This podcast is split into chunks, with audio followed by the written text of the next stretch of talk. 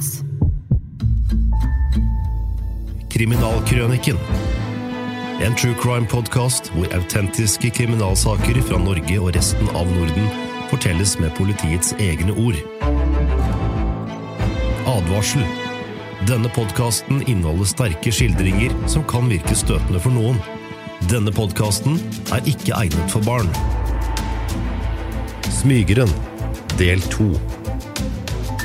Denne episoden er bygget på en tekst av kriminalinspektør Ulf Strømbom.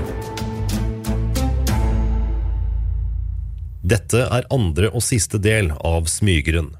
Politiet jakter en serievoldtektsmann som terroriserer kvinner i Gøteborg. Smygeren ser ut til å ha forduftet, før han igjen finner et nytt offer.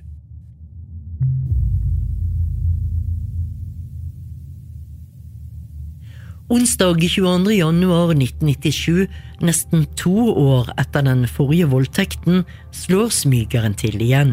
Denne gangen i Nordre Gøteborg. Mindy har bodd i Sverige i tre måneder. Etter bare noen uker i Sverige traff hun en gutt som hun har flyttet sammen med, og de bor i en leilighet i første etasje med en liten veranda utenfor stuen.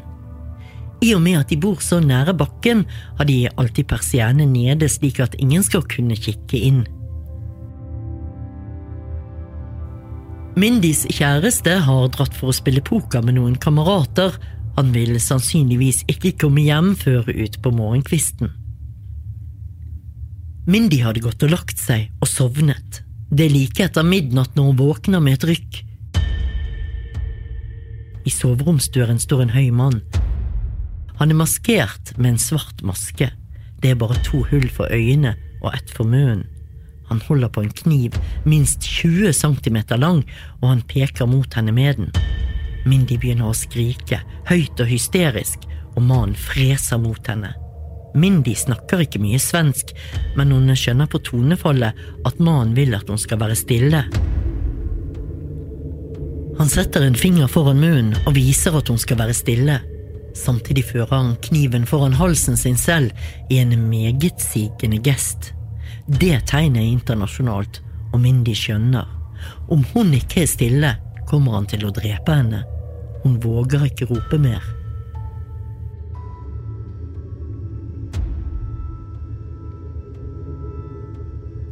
Mannen nærmer seg Mindy. Hun folder hendene foran på brystet og ser bedende på ham. Mannen nikker som om han har forstått. Hun peker på lommeboken sin som ligger på skrivebordet ved sengen, men han bryr seg ikke om det. Han kommer fram til sengen. Han stiller seg på kne og legger kniven mot Mindys hals. Hun kjenner det kalde stålet mot huden sin. Akkurat nå er hun så redd at hun tror hun skal besvime. Mannen sliter i stykker trusene hennes, og han begynner å kysse henne over hele kroppen.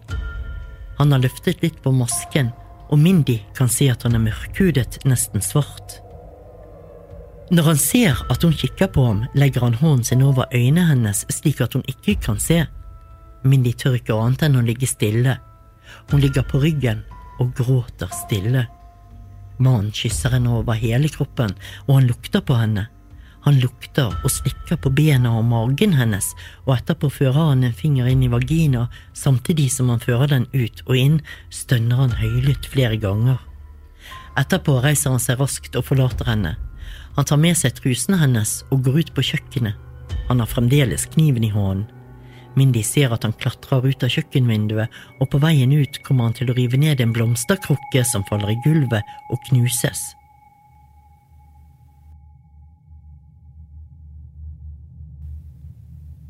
Så går det igjen over to år før smygeren dukker opp igjen, men nå blir det mer intensivt. Den 11. august, den 19. august og den 11. september 1999 begår smygeren tre grove voldtekter innenfor en radius av én kilometer. I alle tilfeller er han maskert med et eller annet slags tøy som han har funnet i leiligheten. I alle tilfeller truer han med kniv. Fremgangsmåten er det som har blitt smygerens signatur. Han lukter, og han slikker på offeret, og han fører en eller flere fingre inn i offerets kjønnsorgan.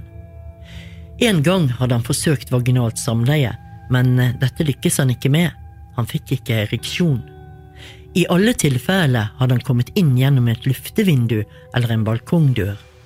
Politiet blir slått av den risikoen smygeren tar ved å ta seg inn gjennom vinduer.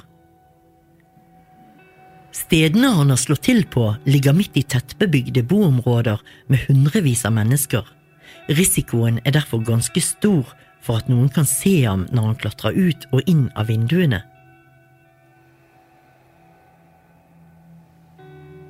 Kriminalteknikere finner spor etter smygeren. I og med at han slikker på kviene, etterlater han seg spytt. I et tilfelle har han skåret seg og etterlatt blod. I både blod og spytt finnes det DNA. SKL, Statens kriminaltekniske laboratorium i Linkjøping, bekrefter at det er den samme gjerningsmannen i alle de tre tilfellene, men mannens DNA finnes ikke i registrene, så man vet ikke hvem han er. Frustrerte etterforskere og spanere fortsetter å lete. De avhører naboer til ofrene, snakker med avisbud, taxisjåfører, bussjåfører og mange andre. Kan noen ha sett en lang afrikaner bevege seg i området? Har noen sett dem klatre ut gjennom et vindu på bakkeplan? Det kommer inn mange tips, og mange menns alibi kontrolleres, men ingen av dem er smygeren.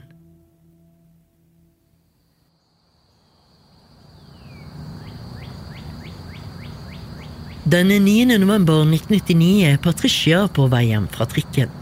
Hun bor i Siriusgatan og må gå et lite stykke fra nærmeste holdeplass. Det er like etter klokken åtte om morgenen, og det er ikke helt lyst ennå. Patricia går gjennom en gangtunnel da hun merker at noen følger etter henne. Hun snur seg, og en høy afrikansk mann tar tak i skulderen hennes og holder en kniv mot strupen hennes. Patricia sier, ikke gjør meg noe. Ta pengene mine, du skal få pengene mine. Jeg ikke vil ha penger. Jeg vil ha kjærlighet. Freser mannen og fortsetter. Kom, vi går inn i skogen her. Mannen dytter Patricia foran seg, ut fra gangtunnelen og mot skogen. Hvorfor, spør Patricia og snur seg. Du skal ikke se på meg. sier mannen og dytter henne foran seg igjen. Gå inn i skogen. Men hvorfor, gjentar Patricia, Jeg vil ha kjærlighet. svarer mannen og fortsetter å skyve henne foran seg. Han holdt kniven mot halsen hennes.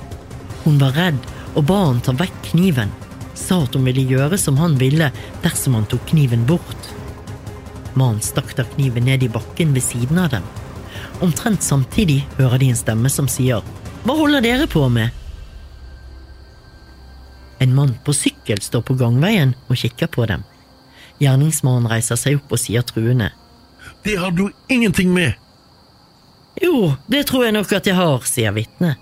Han går av sykkel og tar noen skritt mot Patricia og gjerningsmannen. Patricia reiser seg fort opp og roper. Hjelp! Han prøver å drepe meg! Gjerningsmannen rykker opp kniven fra bakken. Han peker den mot mannen på gangveien, men snur seg og springer fort vekk fra stedet. Patricia løper frem til redningsmannen sin, omfavner han og begynner å gråte hemningsløst. Mannen med sykkel holder rundt henne og forsøker å trøste henne. Han hjelper henne hjem til leiligheten, og derfra ringer de til politiet.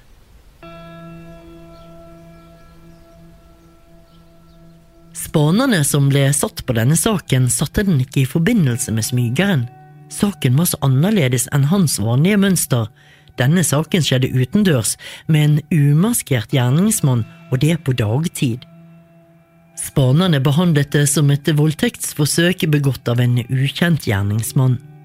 Både Patricia og Anders, mannen som avbrøt voldtektsforsøket, fikk se mange bilder av kjente og tidligere dømte kriminelle med afrikansk opprinnelse. De kunne ikke peke ut noen. Etter en stund ble saken henlagt. Etterforskning uten resultat var henleggelsesgrunn.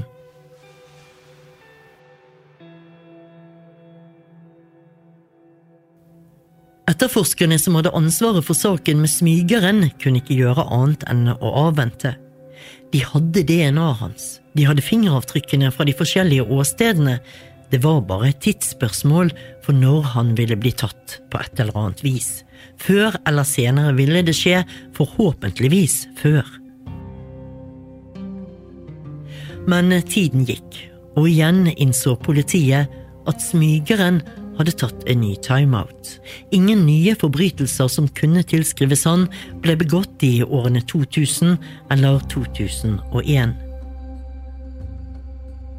Også året 2002, 2003 og 2004 gikk over i historien uten nye forbrytelser gjort av smygeren.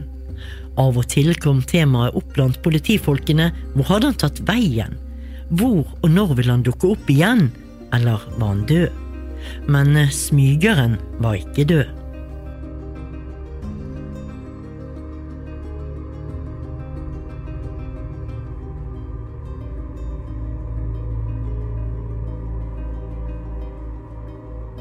Den 25. mars 2005, etter drøyt fem år, slår han til igjen. Nadia var alene hjemme denne fredagskveld. Samboeren hennes var bortreist og skulle ikke komme hjem før søndag kveld. Nadia kikket litt på TV før hun gikk og la seg. Ved tretiden våknet hun av at det smalt et sted i leiligheten. Hun sto opp, slo på noen lys og gikk rundt og kikket i alle rommene. Hun så ingenting som var annerledes. Kanskje hadde det vært noe utenfor. Hun bodde jo tross alt i første etasje, og det var mange som gikk forbi. Nadia gikk og la seg igjen og sovnet. Plutselig våkner hun brått av at det står noen i døråpningen. Det var en høy mann, og han hadde noe som dekket ansiktet. Han kom mot henne, og Nadia så at han hadde noe i hånden som blinket. På dårlig engelsk ba han henne om å ta klærne av. No, go away, don't touch me, skrek Nadia tilbake. Mannen prøvde å holde for munnen hennes samtidig som han sa I will kill you. No, I will kill you, skrek Nadia. Samtidig som hun ropte det siste ordet, fikk hun tak i et strykebrett som sto ved siden av sengen. Hun slo til mannen i magen med strykebrettet. Han fikk tak i brettet, men Nadia vred det ut av hendene hans og slo han flere ganger i hodet og på overkroppen. Go away! Go away! I will kill you! skrek Nadia helt hysterisk. Mannen sprang ut fra soverommet og lukket døren etter seg. Hun hørte at han vred om nøkkelen som sto i på utsiden.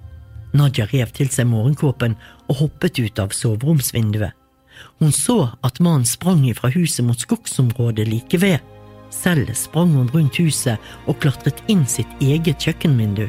Hun lukket vinduet nøye etter seg og gikk inn på soverommet og lukket vinduet der også.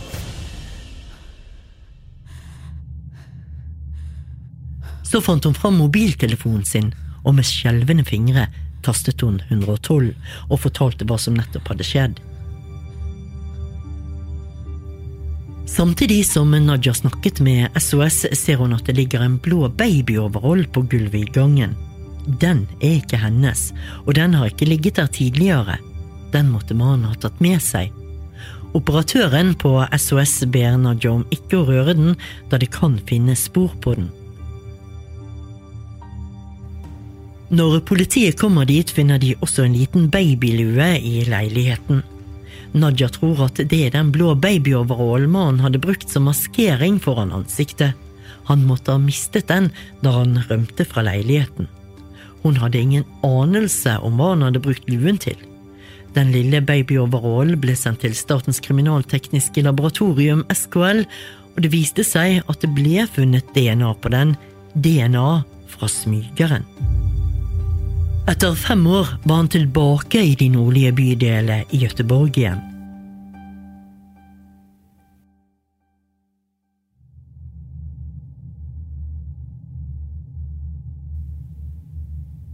Heller ikke denne gangen gir spaningen resultater. Smygeren fortsetter å holde politiet for narr. Omtrent et halvår senere, i november 2005, er de i gang igjen.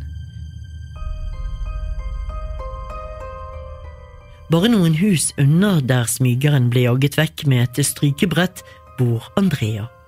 Hun har nettopp flyttet hjemmefra og bor i en leilighet på framleie i første etasje.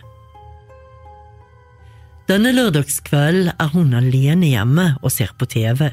Hun skal se ferdig et program før hun tar seg en dusj, det er planen, men hun sovner foran TV-en. Hun våkner av en lyd på kjøkkenet. Hun tror at det er katten som har revet ned noe, så hun reiser seg fra sofaen og går mot kjøkkenet. I kjøkkendøren møter hun en maskert mann.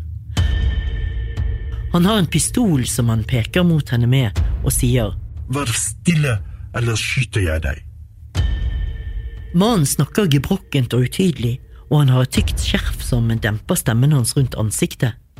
Mannen tar tak i Andrea og skyver henne foran seg ned mot soverommet. Han spør om det er noen andre hjemme. Andrea svarer at hun er alene, men at kjæresten hennes kan komme når som helst. Ikke bløff. Du har ingen mann. sier han og dytter henne inn på soverommet. Hele tiden har han pistol rettet mot henne. Han kommanderer henne til å legge seg på ryggen på sengen, og Andrea tør ikke annet enn å adlyde ham, Åpne bena. Spre bena. sier mannen. Ikke se på meg. Da jeg dreper deg. Andrea sprer bena, og hun snur ansiktet mot veggen. Mannen lukter på underlivet hennes. Han slikker henne en stund og stikker etterpå en eller flere fingre inn i henne. Andrea begynner å gråte, og da spør mannen hvorfor hun gråter. Ja, hva tror du? Du ville også grått om du var i mitt sted. Mannen kommenterer ikke dette.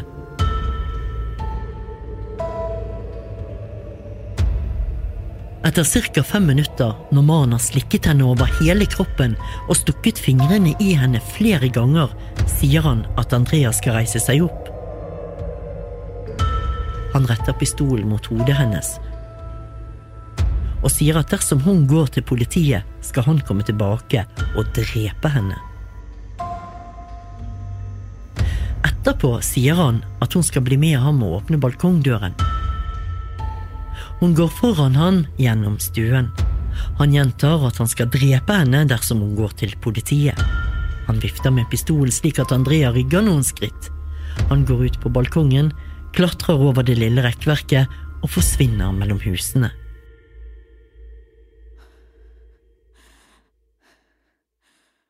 Andrea låser balkongdøren etter ham. Etterpå setter hun seg ned og blir sittende en stund helt paralysert, men etter et par minutter finner hun jakken sin og mobiltelefonen og løper over til en venninne som bor noen hus bortenfor. Sammen ringer de til politiet.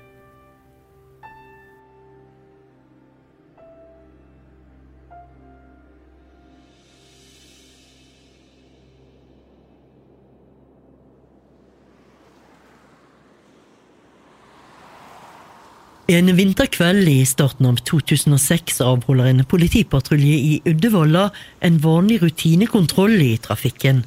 De kontrollerer førerkort og sjekker eventuelle promillekjørere. I En av bilene som blir stoppet, blir kjørt av en mann med afrikansk opprinnelse. Det er en passasjer i bilen som også ser afrikansk ut.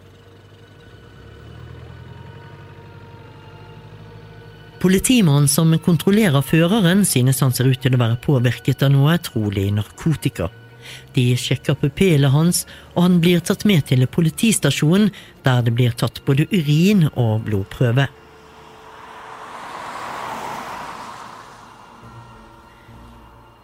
Når patruljen åpner bagasjerommet, finner de flere sekker med blad og plantemateriale. De mener det er katt, en slags plante som tygges for å oppnå en berusende effekt. Det viser seg at sekkene veier nesten 50 kilo, og de beslaglegges selvsagt. Passasjeren blir også tatt med til politistasjonen, mistenkt for narkotikaforbrytelser. I og med at han mistenkes for en forbrytelse som kan medføre fengsel, blir DNA-et hans registrert.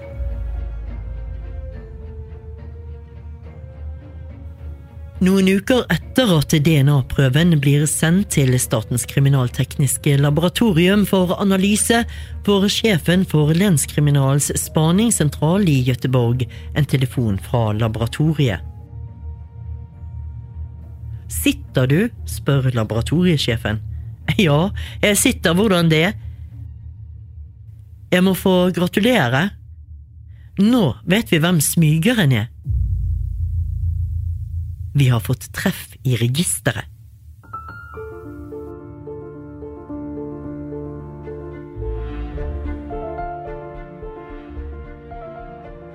En enkelt spyttprøve etter en rutinekontroll ble altså det som satte en stopper for smygeren. Nå startet en ny fase i etterforskningen. Nå innrettet etterforskerne seg på å kartlegge smygerens liv, hvor han hadde bodd og hvor han hadde reist. Nå når han var identifisert, kunne politiet begynne å lete i alle mulige registre og arkiver. Det viste seg at smygeren var født i Somalia i 1962. Han ble som barn vervet som barnesoldat. I 1988 kom han til Sverige. Da var han 26 år, og av opplevelsene i hjemlandet ble han behandlet i flere omganger på flere forskjellige psykiatriske sykehus i Sverige, annet på Lillehagen sykehus i Göteborg. Da etterforskerne kikket på tidsrommene for behandling, kunne de konstatere at behandlingsperiodene sammenfalt med pausene i overfallet. Den lange pausen på fem år mellom 1999 og 2005 kom av at smygeren hadde begått en voldtekt i Oslo og sonet en lengre fengselsstraff i Norge. Hadde man på denne tiden hatt rutiner for sammenligninger av DNA-profiler mellom de nordiske landene, ville i alle fall noen kvinner ha sluppet å oppleve sitt livs verste mareritt.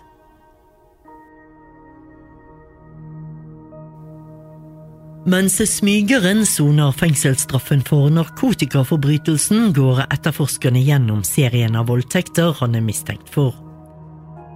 Ofrene blir avhørt igjen. Mange blir sjokkert over at deres sak endelig kan oppklares. Flere av ofrene har hatt tøffe år. De har gått i terapi, de har hatt et helvete etter forbrytelsen de har blitt utsatt for. Alle er villige til å stille opp for en rettssak.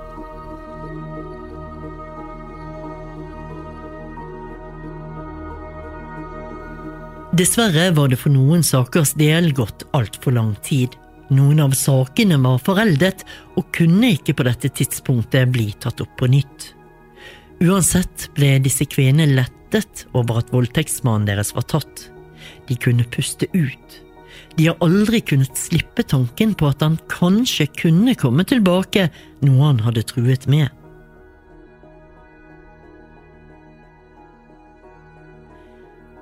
Det er mange personlige tragedier smygeren har etterlatt seg. Patricia, kvinnen som ble overfalt i gangtunnelen, er et bra eksempel på hvor dype sår som kan etterlates i et voldtektsoffer.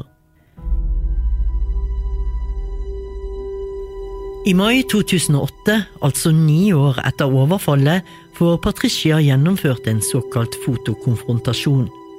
Hun får se bilder av 20 aktuelle menn. Patricia ser på hvert foto noen sekunder, til hun kommer til ett foto.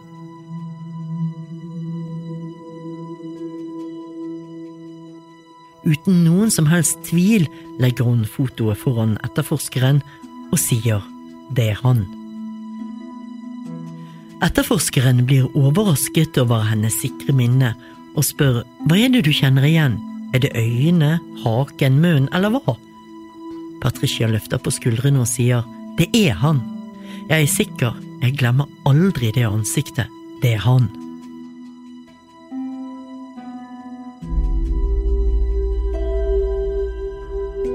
Etter ni års venting kan hun altså på noen sekunder peke ut gjerningsmannen på en meget overbevisende måte. Mannen hun peker ut på denne måten, er smygeren, og nok en forbrytelse kan legges til hans mørke fortid.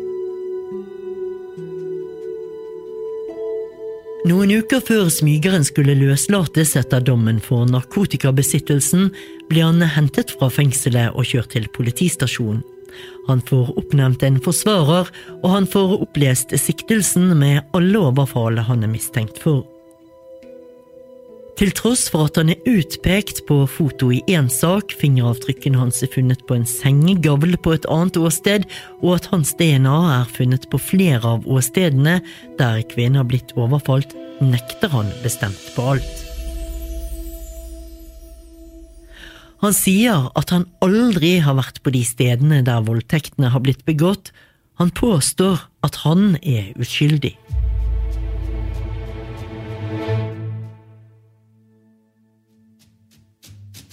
Etterforskeren som avhører ham, ber han forklare hvordan det er mulig at fingeravtrykkene og DNA-et hans kan være på steder der han selv sier han ikke har vært.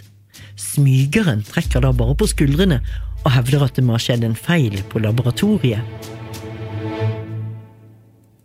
Smygeren ble tiltalt, og hovedforhandlingen ble holdt i tingretten i Gøteborg i midten av september 2008. Samtlige kvinner og deres bistandsadvokater var der.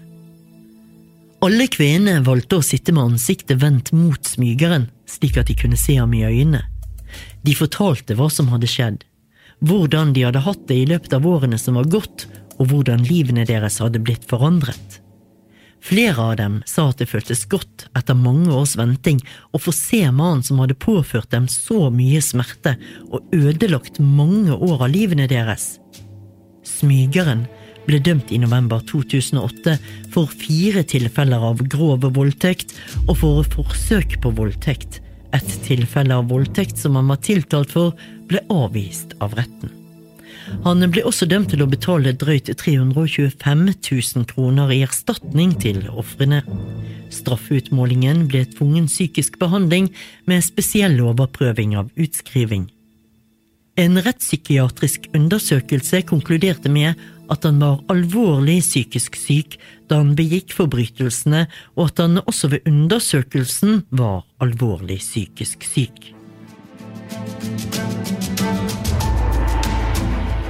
Du har hørt Smygeren.